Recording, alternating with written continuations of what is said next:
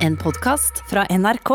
Og da, mine damer og herrer, går vi inn i Fredagspanelet, og panelet består i dag på linje Aksel Helstenius, forfatter, god morgen. God morgen, god morgen. Sigrun Aasland, nestleder i Tankesmien Agenda, god morgen. God morgen. Og Mala Wang Navin, kommunikasjonssjef i Sintef, god morgen. God morgen. Feiret du i går at Sintef er ute med en ny podkast? Ja, det gjorde jeg. Det, det, er så stas. Nå er vi ute med podkasten Smart forklart, og eh, Smart forklart, er Aftenposten glad da? Jeg aner ikke. Som har podkasten forklart? Det har vi faktisk ikke tenkt så mye på, men dette var resultatet av en, eh, en konkurranse blant forskerne våre. Så dette er fra forskeriet. Vi får høre hva de sier etter hvert. Eh, nå skal vi derimot høre hva dere sier om tre spørsmål.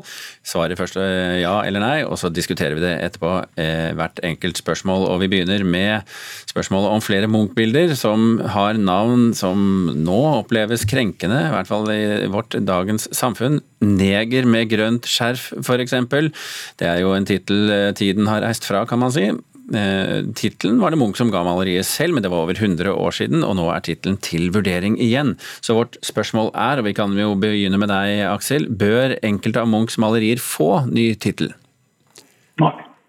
Sigrun? Ja. Mala? Eh, eh. Dette er her der du har lov til å si tja. Tja. Hva er grunnen til at du tviler?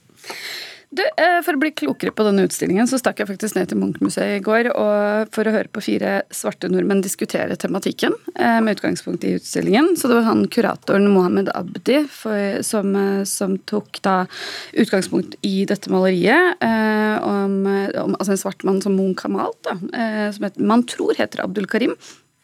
Og dette er jo da en mann som jobbet for et omreisende sirkus. og så endte han opp i som gud vet hva. Altså, hva var han for Munch? Men han endte i hvert fall opp i atelieret til Munch. da. Så dette var en bakgrunn for en samtale om historieløsheten i, i den norske rasismedebatten. Og jeg dro jo ned dit.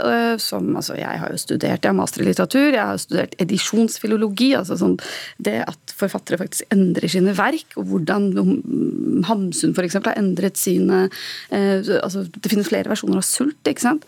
Og jeg var egentlig litt sånn Da jeg dro ned, så var jeg egentlig ganske overbevist om at jeg mente at dette bør vi ikke gjøre, fordi historien fortjener at vi ikke endrer den. ikke sant? Men det der nede, så å høre på disse unge norske svarte samfunnsdebattantene, så ble jeg faktisk altså Det var ganske forfriskende debatt, men det var også en veldig sår undertone der. Mm. Og dette er jo ikke første gang, da. Man har jo endret navnet på dette, disse kunstverkene flere ganger. Så tenker jeg at er det så farlig? Kanskje. Å endre det? Ja, er det så farlig, tenker jeg. Hva syns du, Sigrun? Uh, nei, det, Diskusjonen i sånne spørsmål det er jo ikke første gang som, som Mala sier, er var han rasist, eller var han et barn av sin samtid, eller var han en kombinasjon av de to? Um, men det denne utstillingen, som jeg ikke har besøkt ennå, har lykkes med å gjøre, er jo nettopp å få oss til å snakke om det. da, Og invitere publikum til å diskutere dette, som jeg tenker er veldig, et veldig verdifullt bidrag. Som jo nettopp kanskje poenget med kunsten, å få oss til å tenke oss om litt. Mm. Aksel, har du det sånn også?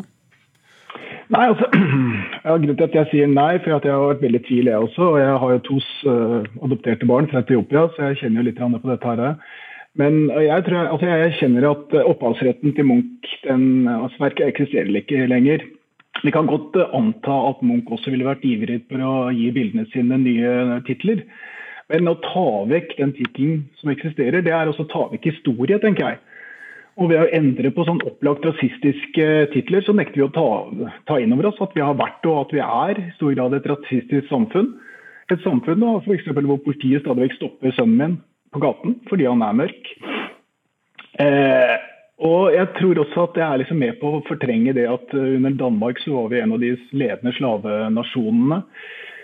Så det der at vår største maler liksom har brukt N-ordet, det, det, mener jeg bør være kjent. Ellers så tror jeg altså, at vi altså Det vi, vi, egentlig kan eh, oppleve, da, at vi renvasker kunsten, vi renvasker kunstneren, vi renvasker nasjonen. Så jeg frykter liksom at titel, det der endring, at man ønsker å endre tittelen, er at Munch-museet frykter konsekvensene. Mm. Altså En veldig negativ uh, internettkampanje, f.eks. At den kan ramme uh, institusjonen hardt.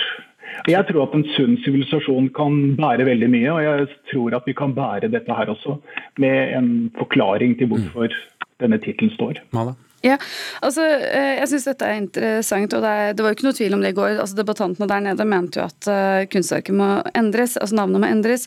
Men nå er det jo sånn at titlene på disse kunstverkene her har gått fra araber til neger osv. opp gjennom årene. Så her blir jo faktisk tittelendringen en del av kunstverket. ikke sant? Det er noe helt annet enn at mitt lille barn sitter på biblioteket og leser 'Negerkungen Efraim i Pippi Langstrømpe' alene. Det er en annen type kontekst. Her tenker jeg at vi faktisk iscenesetter kontekstene. Vi uh, runder av deg hvis du ikke har noe brennende på hjertet. Nei. Alle har fått sagt sitt om spørsmål nummer én. Vi går til spørsmål nummer to. Elever i videregående skole ble så lei av manglende seksualundervisning at de rett og slett laget sin egen podkast om tematikken. Det Hørtes litt sånn ut. Det er veldig mye forskjellig. Det er alt fra forelskelse til blue balls og hvordan lesbiske eller jenter har sex med jenter.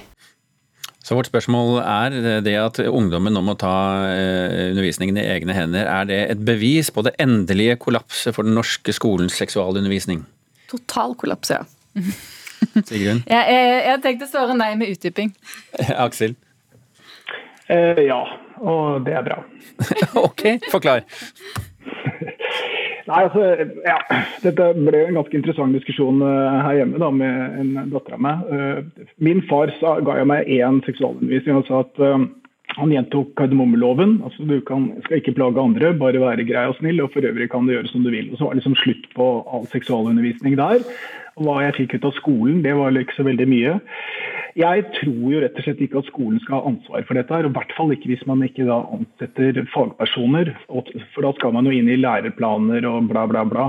At du tilfeldigvis er naturfaglærer den, i det trinnet hvor man har seksualundervisning, det, det kan liksom ikke holde. Da blir det individuelt. Og det som sex, sex er individuelt. Så jeg tror at fremtiden blir som fortiden. At uh, hver en av oss som finner ut av disse greiene selv på litt ulike stadier. Mm. Uh, unnskyld, vi, vi slipper til uh, Sigrun her. Mm. Ja, jeg sa nei fordi det at man har lyktes tenker jeg, med å lære opp selvstendige og handlekraftige mennesker som lager sin egen podkast, det tenker jeg er en kjempesuksess for skolen som sådan. Det er jo akkurat det vi vil. Så derfor uh, ikke kollaps. Men at seksualundervisningen i seg selv er for dårlig, tror jeg det er mange ting som tyder på. Lærerne sier det, sexologene sier det, ungdommene selv sier det. Russelåtene forteller oss det. Uh, så det er åpenbart noe her som ikke er bra nok. Og så er jo enig med Aksel i at uh, skolen kan ikke fikse alt. Hver gang vi har problem, så sier vi at dette må inn i skolen. Vi må ha personlig økonomi inn i skolen, og vi må ha gym, gym inn i skolen, og vi må ha veldig mange ting inn i skolen som det kanskje ikke er plass til. Men, men den seksualundervisningen vi har, kan åpenbart bli veldig mye bedre. Ja, Det er mye som tyder på at det er litt tilfeldig hva som skjer på den enkelte skolen. Altså, jeg har fått høre om at eh, noen arrangerer pubertetsfestival og har sånn eh, temauke om sex og samliv, mens andre ikke gjør noen ting. Og Sånn kan vi jo ikke ha det. Man må jo kunne gi et likt tilbud, i hvert fall. Og så eh, er det jo noe som tyder på at det kanskje det er mer sånn reproduksjonslære og prevensjon. Det er liksom fokus. Altså, men, altså, ikke noe gøy. Det er ikke så veldig morsomt. og Litt av det kan de ordne sjæl og finne ut av. Liksom. Men jeg tenker tenker at temaer sånn som følelser, hva som eh, skal være, føles normalt, og hvorfor føles noe unormalt, og porno versus virkeligheten. ikke sant? De temaene må jo i hvert fall inn, og, inn i de miljøene hvor det er naturlig for eh, barna våre å snakke om det. da. Mm. Kleint blir det uansett. Det blir kleint uansett, men altså, det er det eneste jeg husker fra seksualundervisning. Den bananen og kondomen, ikke sant. kanskje, kanskje det har fungert.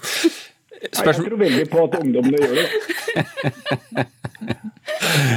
Eh, hør nå, eh, vi går til spørsmål nummer tre. Denne uken så har filmen A Quiet Place 2 premiere, og vår anmelder gir den ternekast fem og sier at den byr på en solid og selvsikker skrekkfyr som innfrir forventningene. Med andre ord, tanken på å måtte være stille brukes nå som skrekkelement.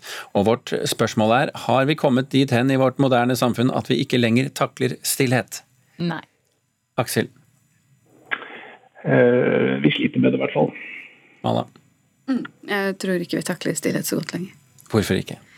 Nei, altså Her om dagen så prøvde jeg å faktisk spørre om veien. Jeg hadde gått meg vill på Løren av alle steder. Og det, Jeg måtte spørre tre stykk før jeg klarte å få, tak i, få oppmerksomheten til noen, for alle gikk med headphones. Og Det tenker jeg er et sånn tegn i tiden. da, At vi rett og slett eh, vi, vi, altså Spesielt byfolk. da, Vi fyller liksom alle tomrom med lyd og, og, underholdning. Og det må jo si noe om oss, altså for det har jo ikke alltid vært sånn. Dette er en utvikling som bare har skjedd kanskje de fem-ti siste årene. Hva, hva gjør at vi ikke klarer klarer å ha de der stille lommene hvor du bare står og stirrer ut i luften og venter på bussen. Mm. Ingen gjør det lenger. Gjør du det, Aksel? Eh, ja, jeg gjør det, men jeg gjør mindre av det nå enn en før. Men jeg er også veldig bevisst på disse proppene i hjørnet. Når jeg sykler inn på jobb og når jeg går rundt og sånt, så så ok, jeg kan godt tenke meg å høre på P2, jeg, for det er alltid mye interessant å høre på P2, men jeg må ta meg i at nei, vet du, det skal jeg ikke gjøre nå. Så det, det er en kombinasjon. Jeg tror kanskje altså Frykte stillheten kan jo enten være også at vi dytter støyen, samfunnets støy, ute med å erstatte den med vår egen lyd, som vi kanskje opplever som en slags stillhet, eller gir en ro. Uh, men det der med å, å, søke roen, at noen gjør det, det er ikke noen tvil om. Det ser vi jo at det er mye ute i naturen. Men uh, jeg tror at støyen gjør, gjør, noe med oss, da. Og at vi kanskje erstatter den med støy. Ja, hva mener du at den gjør med oss? Nei, den, eh, den, gjør oss kanskje mer ensomme, på en måte. Den gjør oss mer utrygge. Den eh, stresser oss. Altså at støy stresser, det vet vi jo. Det blir jo brukt mm. som tortur. så Mm. Men her er det jo litt sånn også, Sigrun, at eh, støy stresser, men det gjør jo også stillhet. Ja, og så tenkte jeg at jeg hadde lyst til å si noe om den filmen som du innledet med. fordi Den handler jo om at man må være veldig stille, men det er jo fordi man er under angrep av noen som går etter lyd. Eh, og det er derfor filmen er så skummel. Eh, så for meg illustrerte jo den mer hvor utrolig mange ting vi nå må gå rundt og være redd for. Ting som vi allerede vet, kanskje, sånn som f.eks. pandemi, som vi ikke orker å tenke på. Det skjer jo. Eh, og veldig mange andre trusler tenker vi veldig lite på. Og så har du i tillegg, da Det var jo en sånn terroraksjon for et års tid siden med sånn ultrafrekvent støy som folk ble syke av. Så det er jo ikke grenser for hva vi skal gå rundt og frykte. Men, men, denne filmen spesifikt handler jo ikke om å være stille i seg selv, den handler jo om alle de truslene vi ikke tar på alvor. Jo, men eh, den ble brukt som et eksempel på det der eh, og den frykten de opplever ved å ikke vite hva som skjer fordi de må være helt stille. Ja. Og det er jo noe, eh, noe, enda verre enn å måtte ha stillhet, for jeg er helt enig. det er jo, Vi går rundt med lyd hele tiden og har veldig lite på en måte, ro til å ikke gjøre noen ting. Eh, men den frykten i denne filmen handler jo ikke bare om det å måtte være stille, men det som kan skje, og hvem som kan angripe deg, og hvilke kriser som kan inntreffe. da, mm. Uten at du egentlig har gjort noe vi anser som farlig atferd, nemlig å lage litt lyd. Ja, jeg tror jeg, og så tror jeg ikke pandemien har gjort oss noen, uh, noen tjeneste hvor vi har sittet på hjemmekontor med veiarbeid utafor og naboer som pusser opp og unger som har Enten er det streik på skolen, eller så har de hjemmeskole. Så uh, min toleranse for støy har allerede vært liksom ganske grei, fordi jeg hele arbeidslivet nesten har sittet i åpent landskap. Men nå er det, nå er det den siste skanse falt, liksom. Nå kommer jeg ikke til altså Hvis det blir stille kontor til neste år, så tror jeg det, det blir rett og slett helsefarlig. Aksel, du skal få lov til å runde av i dag? Nei, altså, jeg, for meg koronaen er jo ikke så ukjent for meg når jeg sitter og skriver, så jeg vet jo ganske mye om karantene og stillhet. og og Jeg har jo aldri skjønt de som klarer å sitte i åpent landskap, journalister og sånt, og jobbe. Jeg må ha stillhet for å kunne jobbe. Så eh, jeg kjenner på behovet for stillhet, og jeg er utrolig glad for at det finnes, og at man kan oppsøke det, og at jeg kan finne min stillhet. La oss, være, la, eh, la oss, si at det er oppfordringen til slutt, at alle finner sin stillhet. Om det så innebærer lyd eller ikke. Fredagspanelet er slutt. Aksel Hell Stenius, Sigrun Aasland og Mala Wang Navin, takk for at dere var eh, dagens panel. Du har hørt en podkast fra NRK. Hør flere podkaster og din NRK-kanal i appen NRK Radio.